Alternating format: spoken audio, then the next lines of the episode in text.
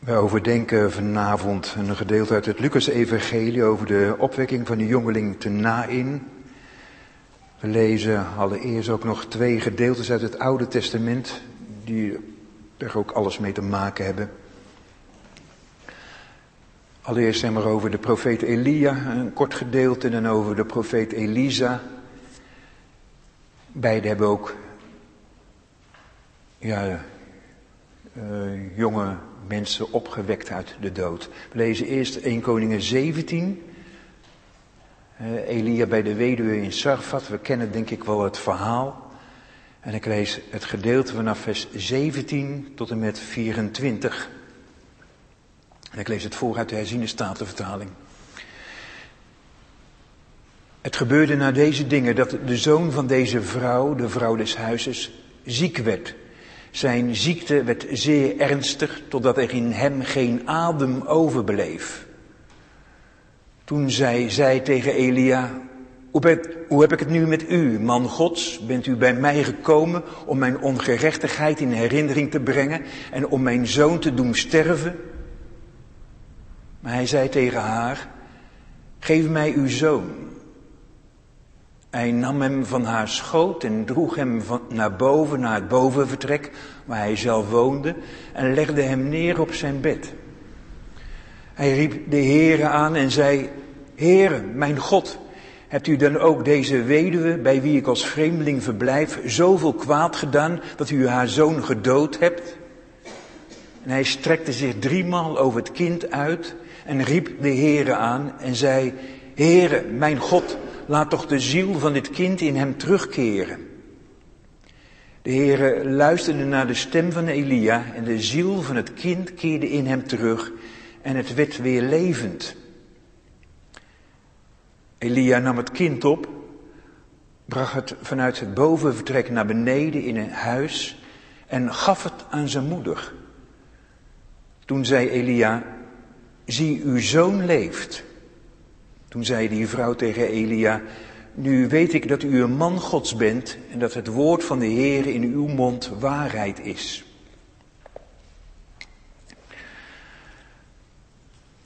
Bij zijn leerling Elisa zien we bijna hetzelfde patroon.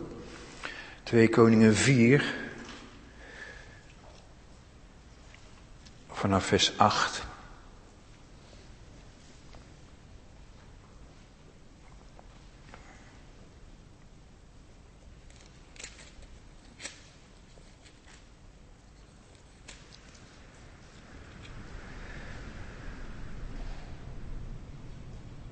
Het gebeurde op een dag dat Elisa langs Sunnem kwam.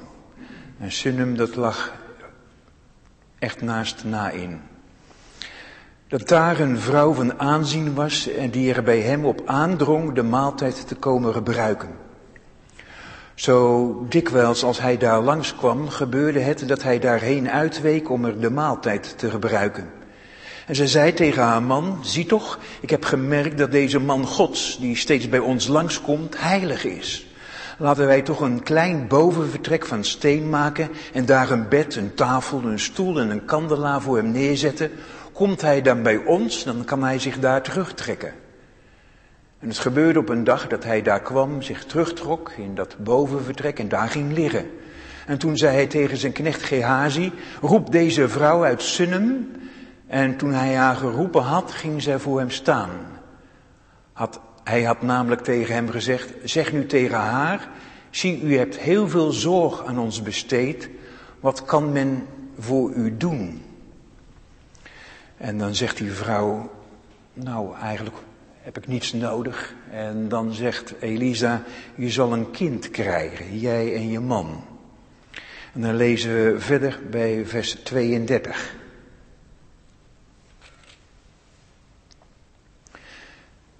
En toen Elisa bij het huis kwam, zie de jongen was dood, neergelegd op zijn bed.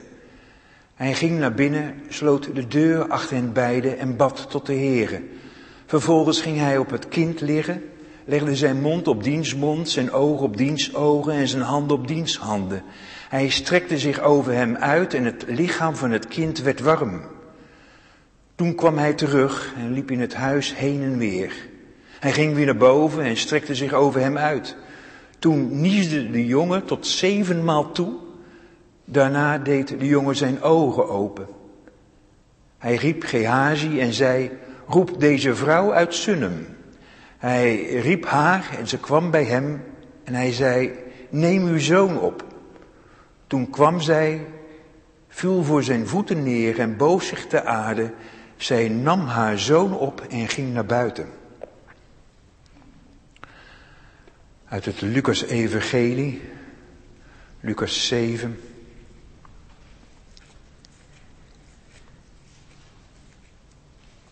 Vanaf vers 11.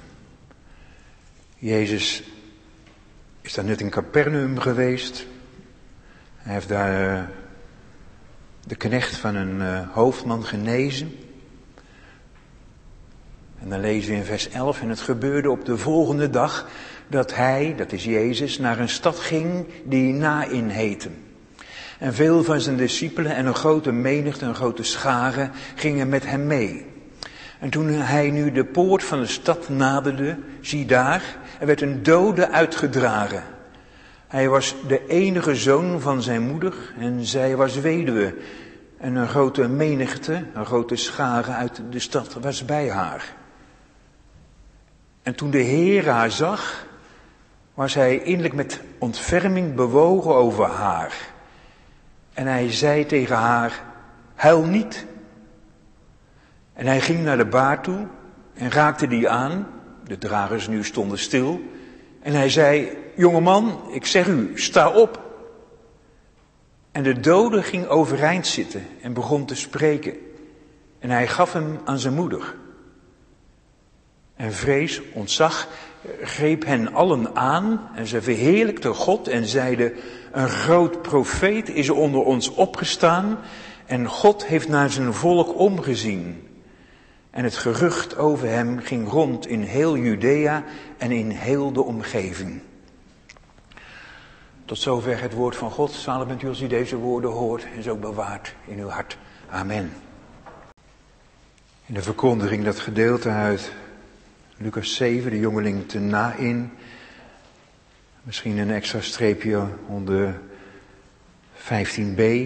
En Jezus gaf hem aan zijn moeder. Dat is ook de echo van 1 Koningen 17.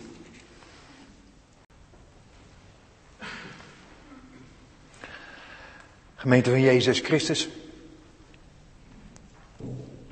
Vlak naast Nain ligt het plaatsje Sunnem. De plek, de plaats waar de profeet Elisa destijds een jongen weer deed opstaan. Hoe zijn ouders hem terugkregen uit de dood. Je zou ook bijna kunnen zeggen dat was een herhaling van datgene wat zijn leermeester, de grote profeet Elia, destijds deed in het veel noordelijker gelegen Sarfat. Hoe toen ook een gestorven jongen uit de dood werd opgewekt. De verhalen, de herinneringen aan die profeten, Elia en Elisa, de herinneringen aan de God van Elia en Elisa, ze moeten tot de verbeelding van de inwoners van Nain hebben gesproken. Hoe het ook verhaald werd. Met name ook die ene zin. Elia nam het kind op en gaf het aan zijn moeder terug. En nu, zo'n 700 jaar later, dan schreeuwen de inwoners van Nain het uit. Een groot profeet is onder ons opgestaan. En God heeft naar zijn volk omgezien. Voor hen wordt het opeens weer helemaal duidelijk. Deze opstanding van die jongen uit Nain is weer het bewijs voor wie het werkelijk te zeggen heeft in deze maatschappij. Ze hebben het ervaren als een teken van God. God laat zien wie hij is in, in, in deze profeet, in deze Jezus Christus. Ze zien er een bewijs in dat God nog altijd spreekt, handelt, om hen heeft bekommerd. En ze loofden God.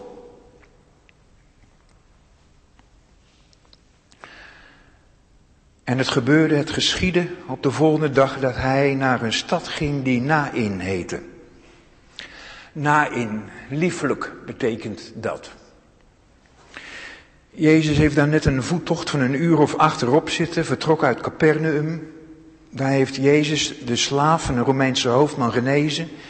En de, in, ja, de bewoners van Galilea, het gebied van de Joden en de heidenen. Het gebied wat bekend stond als een religieuze achterstandswijk. Ze zijn diep onder de indruk, ze volgen hem. Een grote menigte. Wat zullen we nog meer gaan beleven? Is deze werkelijk de Messias, de door God gezondene? Is dit een man in wie God naar ons omziet? Je kan je het je zo voorstellen. Het is, het is, een, ja, het is een, optocht, toch, een optocht van hele blije mensen. Die nog meer van hem verwacht. Die beweging komen we dus tegen hè, hier. Zeg maar de beweging van het koninkrijk van God. Een optocht, een, een, een stoet van het vernieuwde leven dat in en door Jezus Christus gestalte krijgt. En dan komen ze in Nain.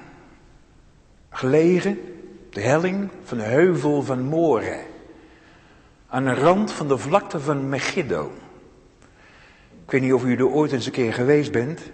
Maar die vlakte, de vallei van Megiddo, daar is heel vaak gestreden om leven en dood. En Nain, vanaf die helling, kon je zo neerkijken op die vallei van de beslissing. Ook wel Armageddon genoemd. Maar wanneer ze daar bij die stad Nain komen, worden Jezus en zijn gevolg geconfronteerd met een totaal andere stoet. Ook een grote menigte. In de grondtekst twee keer hetzelfde woord, scharen. Ze komen elkaar tegen. Twee groepen mensen. Twee volkomen tegengestelde bewegingen. De ene stoet volgt Jezus met de bedoeling de stad in te gaan. De andere stoet volgt een dode met de bedoeling de stad uit te gaan, af te dalen. In het lieflijke stadje Nain is namelijk een kind gestorven. Nou, laat dan het woordje lieflijk maar achterwege. En in hele sobere woorden tekent Lucas hier het leed dat hierachter schuilt. Het kind is de enige geboren zoon van zijn moeder die al weduwe is. Dat is een in en in triest verhaal. Het staat er niet bij hoe het kwam. Was het een ongeluk? Was het een ziekte? Nou, wat doet het eraan toe, hè? Hij is gestorven. Hij is dood. En dat is onomkeerbaar. En wij weten niet hoe lang het geleden is hè, dat deze vrouw ook die gang door de stadspoort naar de begraafplaats heeft moeten maken om haar man uit te dragen. En misschien hebben toen sommige mensen daar in die, in die stad nog tegen haar gezegd, je hebt je kind nog, hè. Je hebt nog iemand om voor te leven, voor te zorgen. Je hebt nog een taak, een doel in je leven. Oké. Maar nu is ook haar zoon gestorven. Het enige wat haar nog restte is haar ontnomen. En ik denk dat nou niemand haar nog echt wist te troosten. En, en al helemaal niet met die woorden probeerde maar in te berusten. Hè. Het, het zijn geen mensen die het je aandoen. Of het zal zijn tijd wel geweest zijn. Nou, alsjeblieft niet dat soort zinnen. Dit is een leed dat je niet begrijpt. Dat je niet kan verklaren. Dat je, dat je ook elke keer sprakeloos maakt. En naast die enorme pijn van het verlies heeft dit sterven ook ontzettend veel gevolgen. Dat, dat, weten we denk ik ook wel. Hè? waren in die tijd voor hun levensonderhoud aangewezen op de welwillendheid van andere mensen. Nou, die bleek lang niet altijd zo groot te zijn. En de enige zekerheid was dat de kinderen, ja, de kinderen die zouden dan voor hun moeder zorgen. Maar nou is die zekerheid hier haar ook ontvallen. Dus de ellende, die, die ellende is echt compleet. En het enige wat die inwoners dan kunnen doen, dat is meegaan naar de begraafplaats. En dat doen ze dan ook. Grote scharen staat er. Laat in de middag, overleden in het Midden-Oosten, wordt op dezelfde sterfdag begraven. Ze hebben zich verzameld voor haar huis om af te dalen. Dat is dus die beweging van die andere stoet. De stadspoort door richting de dode akker.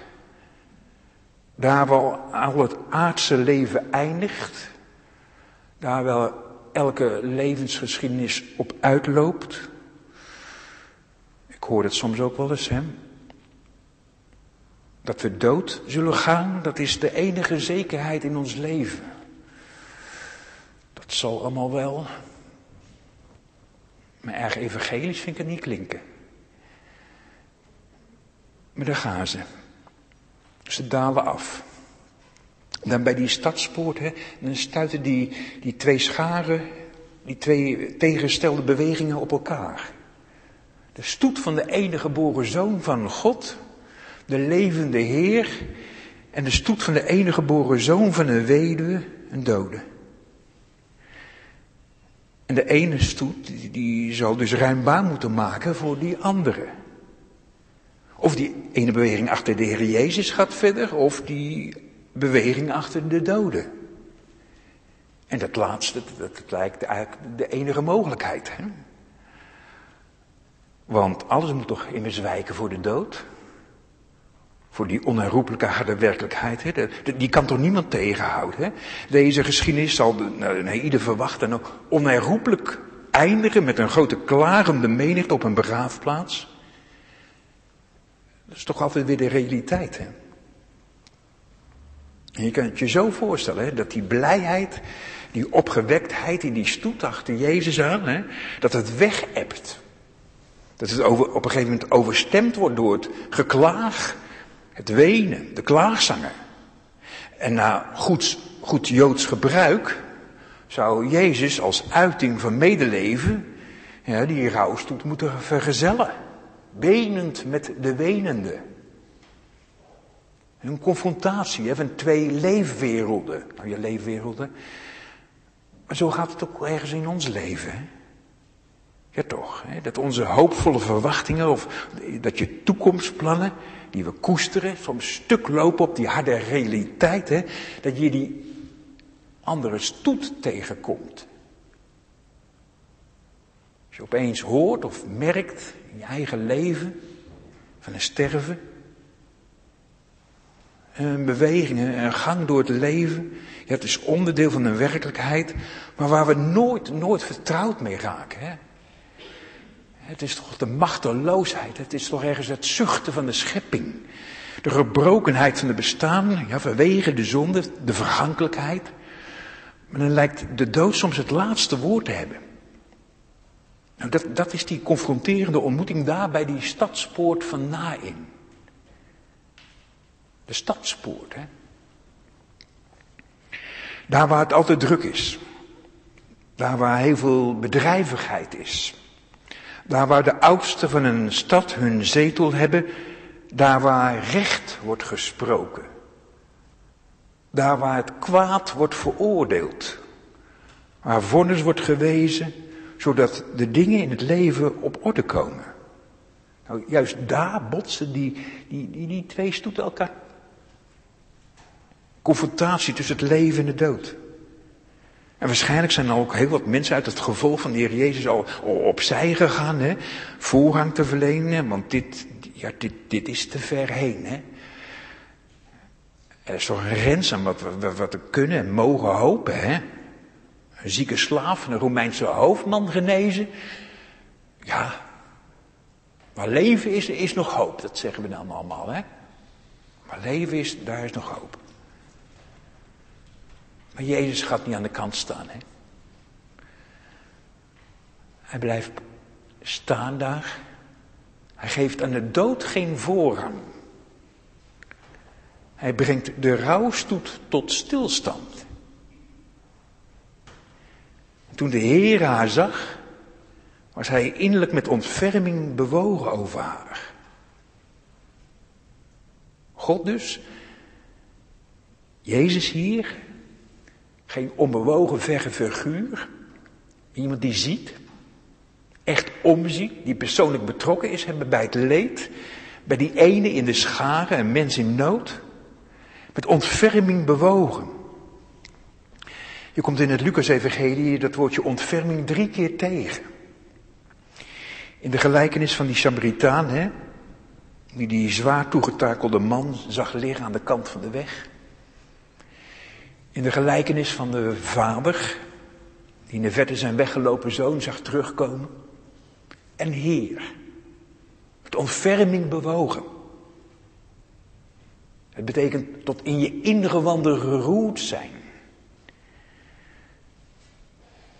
De Hebreeuwse uitdrukking klinkt zelfs het woord moederschoot mee. Zoals een moeder bewogen is over haar kind, zo is Jezus bewogen over haar. Over die weduwe.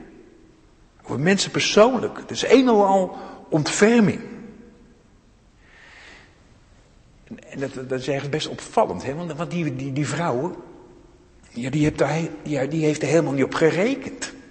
Die heeft ook niet om gevraagd. Ze heeft geen beroep gedaan op de Heer Jezus. Verwacht mogelijk ook niet dat hij nog iets kan doen. En bovendien, hè, er wordt door de Heer Jezus ook niet naar haar geloof gevraagd. En dan toch, hè, totaal onverwachts komt de Heer Jezus dan het leven van deze ja, zwaar getroffen vrouw binnen. Het gaat dus helemaal werkelijk alleen van hem uit. Zo wonderlijk is dat al een keer. Dat is nou echt het evangelie. En zo komt Jezus ons elke keer tegemoet. Ook als we, als we soms denken, hier is geen redder meer aan. Als je misschien iemand bent met, met alleen maar vragen zonder antwoord. Met een verdriet, met een wanhoop waarop niemand verandering in kan brengen. Dat je soms denkt, hier, kan God niks mee beginnen, ook, ook met mijn leven niet meer.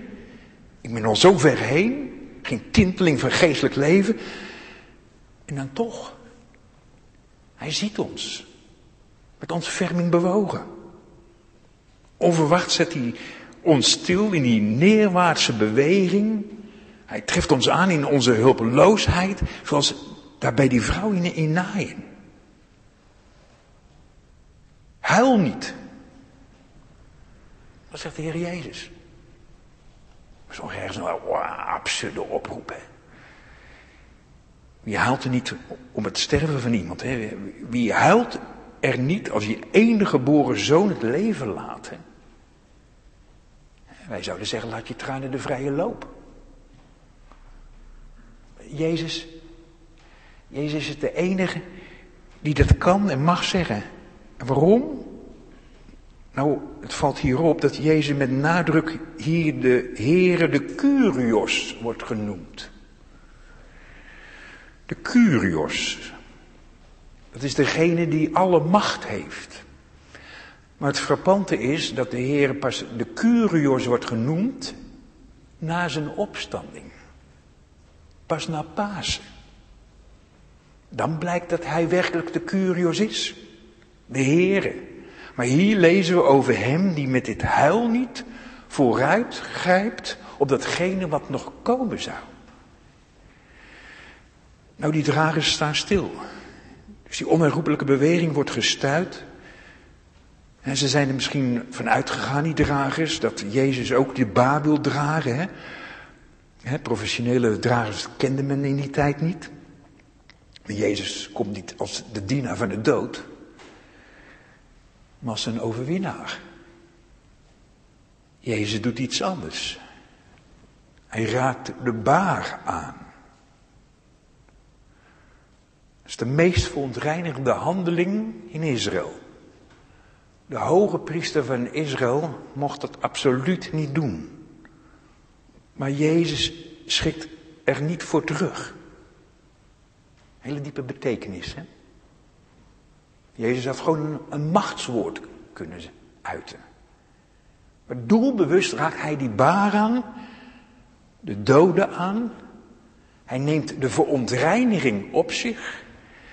Hij neemt de dood op zich. Ja, het heeft ook al een teken in zich, hè. Wijst al vooruit naar, naar Golgotha. Waar hij de, de, de zonde, de, de onreinheid wegdroeg. En na die aanraking, dan, dan zegt hij op een gegeven moment, jonge man, ik zeg je, sta op. En dan lees je, en de dode ging overeind zitten en begon te spreken. Een rare zin, hè? De dode ging overeind zitten en begon te spreken. Zelfs de taal schiet tekort. Wat onmogelijk blijkt mogelijk. Later heeft de Heer Jezus gezegd, de tijd komt dat de doden de stem van de levenden zullen horen en opstaan. Nou, dat eindtijd gebeuren, hè? hoe het later zal zijn, dat vindt hier al plaats als een teken, een voorteken. Het wordt al openbaar dat Hij, Jezus Christus, de Curios is. Dat alle machten aan Hem onderworpen zijn. Jongeling, ik zeg je, sta op. We hebben het ook met elkaar gelezen. Die, die twee verhalen, die geschiedenissen van Elia en Elisa.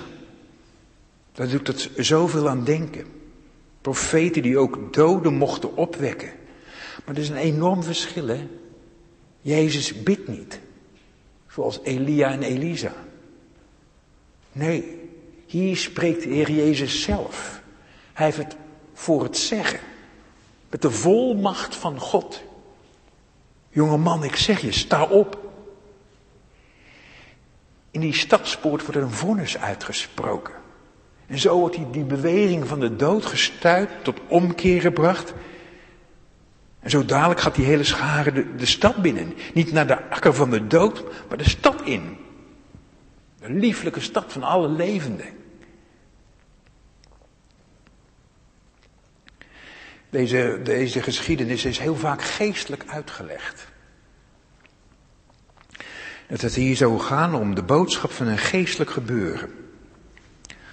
Calvijn zegt bij dit gedeelte dat Christus door zijn woord dode mensen geestelijk levend maakt. Het woord van God, van Jezus, heeft zo'n kracht dat het zelfs tot in onze dode zielen doordringt. En de kerkvader Augustinus zag in de drie opwekkingen uit de dood, die het evangelie rijk is, een bepaalde opklimmende orde. Het dochtertje van Jairus hè, was reeds gestorven, maar ze was nog thuis. De jongeling van Nain werd reeds uitgedragen. En Lazarus lag reeds enkele dagen in het graf. Drie soorten doden, zegt Augustinus. Drie soorten zondaren, die Christus ook thans tot leven wekt. Je kan geestelijk zo dood niet zijn, of Jezus weet daar wel raad mee. Dat is allemaal waar. Misschien ook wel van een geweldige diepte.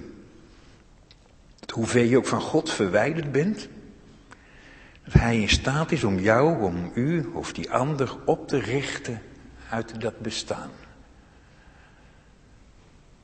Maar deze geschiedenis is volgens mij juist heel concreet bedoeld. Voor die moeder. En hij gaf hem aan zijn moeder. Ze krijgt haar zoon terug. Waardoor ze weer toekomst krijgt. Ook op sociaal-maatschappelijk gebied. Ze krijgt weer moed om verder te leven. En waarom? Nou, dat hebben we met elkaar gelezen. Hij was met ontferming over haar bewogen. Het was hem in dit wonder om haar te doen. Om die vrouw met dat verdriet. Hij geeft haar, als het ware, het leven terug. Haar toekomst. Haar verwachting. Zodat ze verder kan leven. Lucas, die beschrijft dan aan het slot de reactie van die mensen. Ze verheerlijkten God en zeiden een groot profeet is onder ons opgestaan. En God heeft naar zijn volk omgezien. Kun je iets bij voorstellen, dat die menigte God gaat verheerlijken. Daar was, en is het Jezus ook om bedoeld, om begonnen. God heeft naar zijn volk omgezien. In de profeet die is opgestaan. Opgestaan. Opstandingswoord. Wordt hier ook gebruikt. Maar ik hoef u niet te vertellen dat dit gebeuren in Nain bijna uniek is. Hè? De meeste rouwstoeten bereiken het kerkhof ongestoord, ook hier in Gouda. En die vragen van die moeder uit Nain zijn soms dezelfde als de onze. Ook zij zal wel in haar verdriet hebben gedacht, waar is God nu? Hoe kan God dit toelaten? Wat merk je nu van hem? Maar in deze geschiedenis kom je dan toch iets anders tegen. Hoe God tegenover ons verdriet staat. Hè? Hij ziet het. Hij ziet het. En de Bijbel zegt zelfs dat God al onze tranen ziet, dat Hij ze bewaart in zijn kruik, ze noteert in zijn boek. Gij ziet het, want gij aanschouwt moeite en verdriet om in uw hand te leggen. Is Hij dan alleen maar een meelijdende God? Een God die alleen maar meeleidt? Nou, in deze geschiedenis ontmoeten we toch een andere God. God die met ons zo bewogen is dat Hij ons tegemoet komt in Jezus Christus. Hij deelde onze nood, ons verdriet, onze zonde en nam ons lijden op zich. Het zuchten van de schepping. Hij raakte de baar aan van onze onreinheid. En midden van onze doodse werkelijkheid staat hij later zelf op tot een vernieuwd leven. Goede Vrijdag, Pasen. Maar het is vooral dit. Krijgen de enige geboren zoon terug uit de dood. We hebben de enige geboren zoon teruggekregen uit de dood. Waarom? Omdat wij toekomst zullen hebben. Verwachting. Moed. Om verder te gaan. Ja, toch? En ik weet dat dat is minder tastbaar, minder concreet misschien dan bij die moeder uit Nain. Maar misschien wel van een hele andere, misschien ook wel van een diepere inhoud. We krijgen de enige geboren zoon terug uit de dood. En als je dat opmerkt, hè, ja, dan moet je toch ergens God gaan verheerlijken. Als de God die niet ver weg is, die niet machteloos schijnt in de gebeurtenissen van deze wereld, maar die mensen in hun persoonlijke nood ziet en over zich over ons ontfermt en ons doet opstaan tot een nieuw leven. Deze geschiedenis, hè, die, eindigt niet naar alle verwachting op de begraafplaats, niet met geklaag, maar deze geschiedenis eindigt tegen alle verwachting in de, in de stad van de levenden. Met gejuich, met gezang, God lovend. Lof zijn God, lof zij Jezus Christus in alle eeuwigheid. Amen.